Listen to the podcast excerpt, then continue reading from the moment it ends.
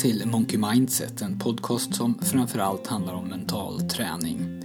Jag heter Daniel Sjöstedt och jag är mental tränare och föreläsare.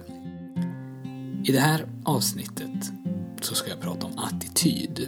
Attityd är en svår fråga att ta sig an för det är lätt att bli missförstådd. När man pratar om vikten av att ha en bra attityd så är det lätt att tolka det som att man skuldbelägger dem som inte har en bra attityd. Och idag så kommer jag att försöka problematisera den frågan lite och mer än vanligt så kommer den här podden att innehålla mina egna åsikter.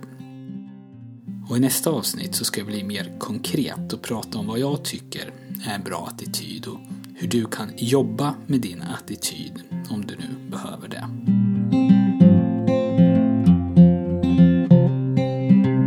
Men låt mig börja med att ställa två frågor. De handlar om ansvar. Kan du komma på en eller ett par saker som är fel på ditt jobb eller på något annat ställe som tar mycket av din tid? Sånt som inte funkar som det ska. Och när du har gjort det så vill jag att du ska svara på frågan vem som borde fixa det. Vems ansvar är det att den här saken blir löst? Fundera några sekunder om du ännu inte har svaret och jag återkommer till de här frågorna i slutet av programmet.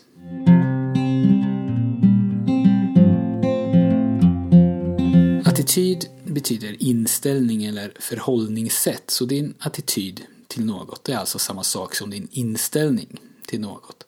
Någonting händer och så förhåller vi oss till det och det lättaste det är att dela upp den här i positiv attityd eller negativ attityd. Om man ser glaset som halvfullt eller halvtomt.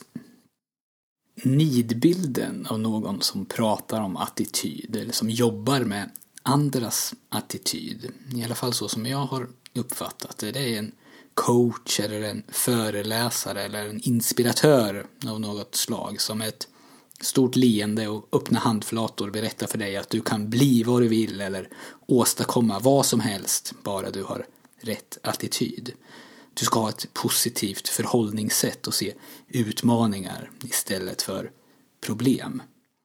Om man själv befinner sig i en svår situation kan det här förstås kännas väldigt provokativt. Någon berättar för dig att du kan bara du vill. Det är lätt och naturligt att rygga tillbaka inför någon som pratar på det sättet och det är också lätt att vända på frågan som jag enligt dig kan bli vad jag vill, om jag har makten att förändra mitt liv, men befinner mig i den här skitsituationen så betyder det alltså att det är mitt fel. Att jag på någon nivå har valt att bli arbetslös eller lämnad eller deppad eller utbränd. Eller vad det nu är. Om det här skulle jag vilja säga några saker. För det första så undrar jag om de här coacherna och inspiratörerna finns på riktigt eller om de bara är just en nidbild. När man beskriver de här personerna så tror jag att man tar någonting ur sitt sammanhang. Man lyfter ut det ytliga och det glättiga. Det här överchecka. Och så ger man intrycket av att det här är den personens hela budskap. När det i själva verket bara är en liten del av det någon har att säga en liten del som bara förstås till fullo om man har hela sammanhanget. Och jag anser mig själv ganska beläst när det gäller självhjälpslitteratur. Och jag har sett väldigt många föreläsningar och även om det finns en hel del som är dåligt så har jag nog aldrig råkat ut för något som är dåligt på just det här sättet. Jag vet ingen som är så här enfaldig och grund att han eller hon säger att bara du förändrar din inställning, din attityd, så kommer allt att ordna sig. Och om det vore så, så har jag svårt att se hur någon skulle lyssna på den personen. Jag upplever också att det finns mer social status i att ha en lite negativ attityd än det finns i att vara positiv till sitt sätt. Den som är positiv till sin läggning ses ibland som nästan korkad. Medan den som är skeptisk och inte låter sig imponeras så lätt verkar smart och kunnig. Och bara den här frågan skulle kunna bli en helt egen poddserie som räcker ända fram till nyår. Och personligen så har jag alltid sett mig själv som överdrivet kritisk och skeptisk. Det är någonting som jag jobbar med. Min första instinkt det är ofta att leta fel. Och till viss del så är ju det här bra. Det är så det ska vara. Vi ska vara kritiska och vi ska inte bara svälja allt som vi matas med. Men samtidigt så är det lätt att hela tiden vara kritisk.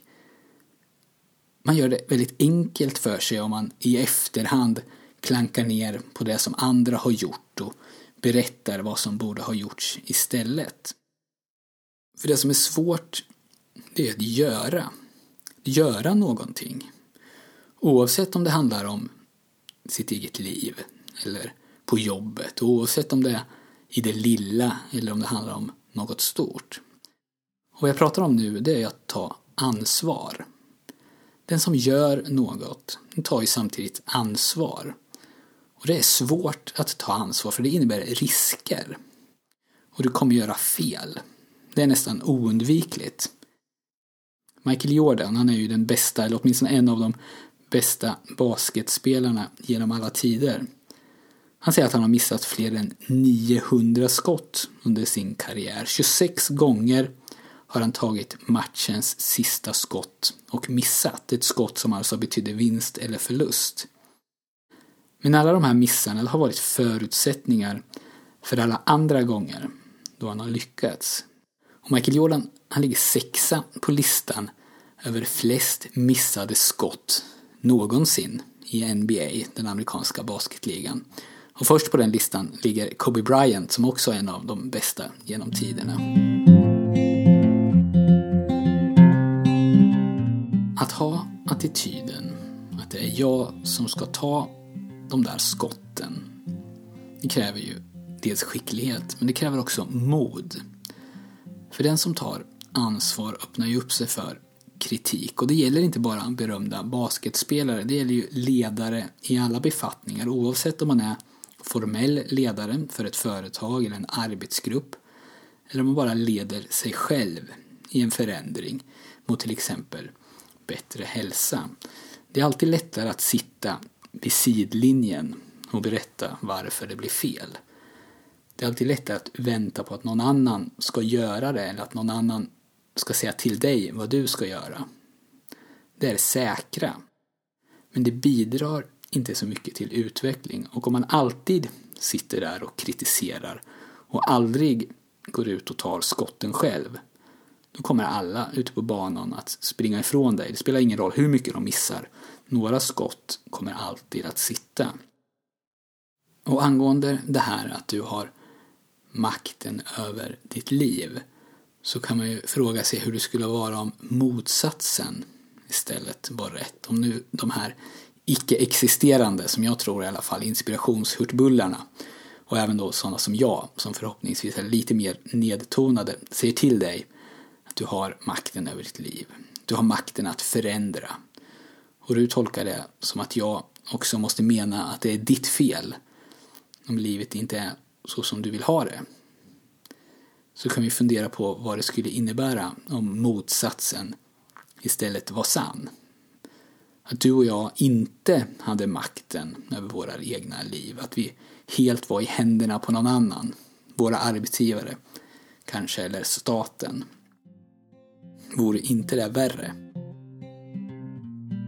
Så min uppfattning det är att din attityd är viktig. Att din attityd styr mycket av vad som händer i ditt liv. Och min uppfattning det är också att vi har makten att välja vilken attityd vi ska ha. Men att vi kanske behöver träna på det. Jag har ju pratat om det här tidigare, men en väldigt stor del av det som händer inom oss, det beror på vilka uttryck vi får utifrån och hur vi tolkar dem.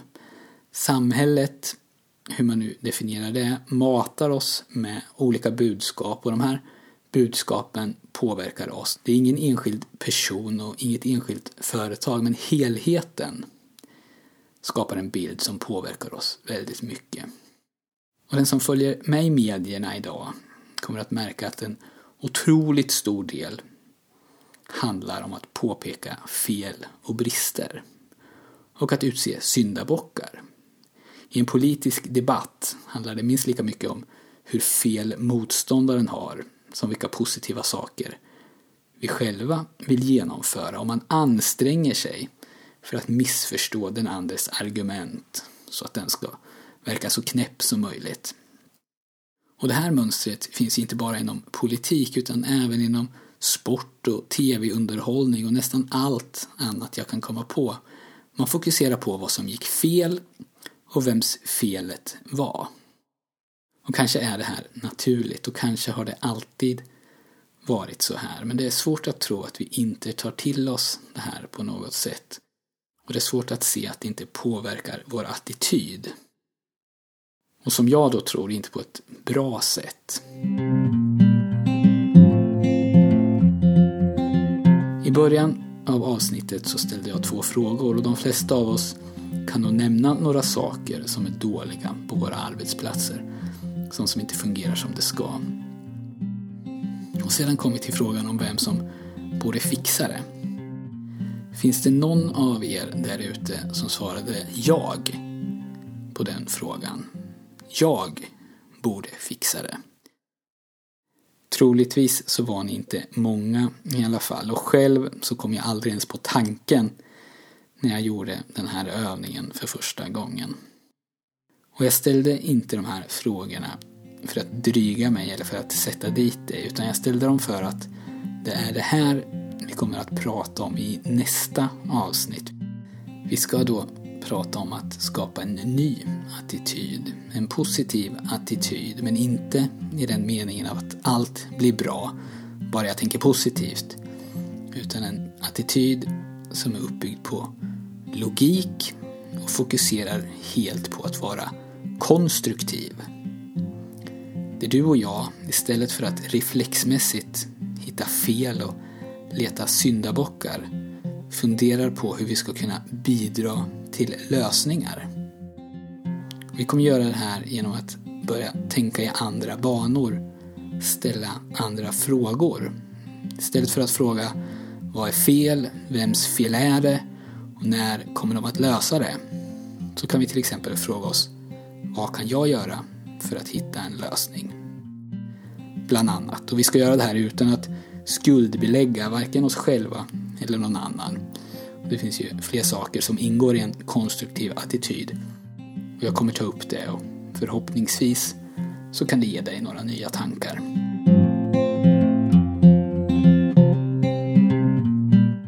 Du vet väl att du kan få det du behöver för att komma igång med mental träning av mig och det kostar inget. Om du signar upp dig för mitt nyhetsbrev på monkeymindset.se så skickar jag dig de fyra ljudband som ingår i min app som heter Mental träning.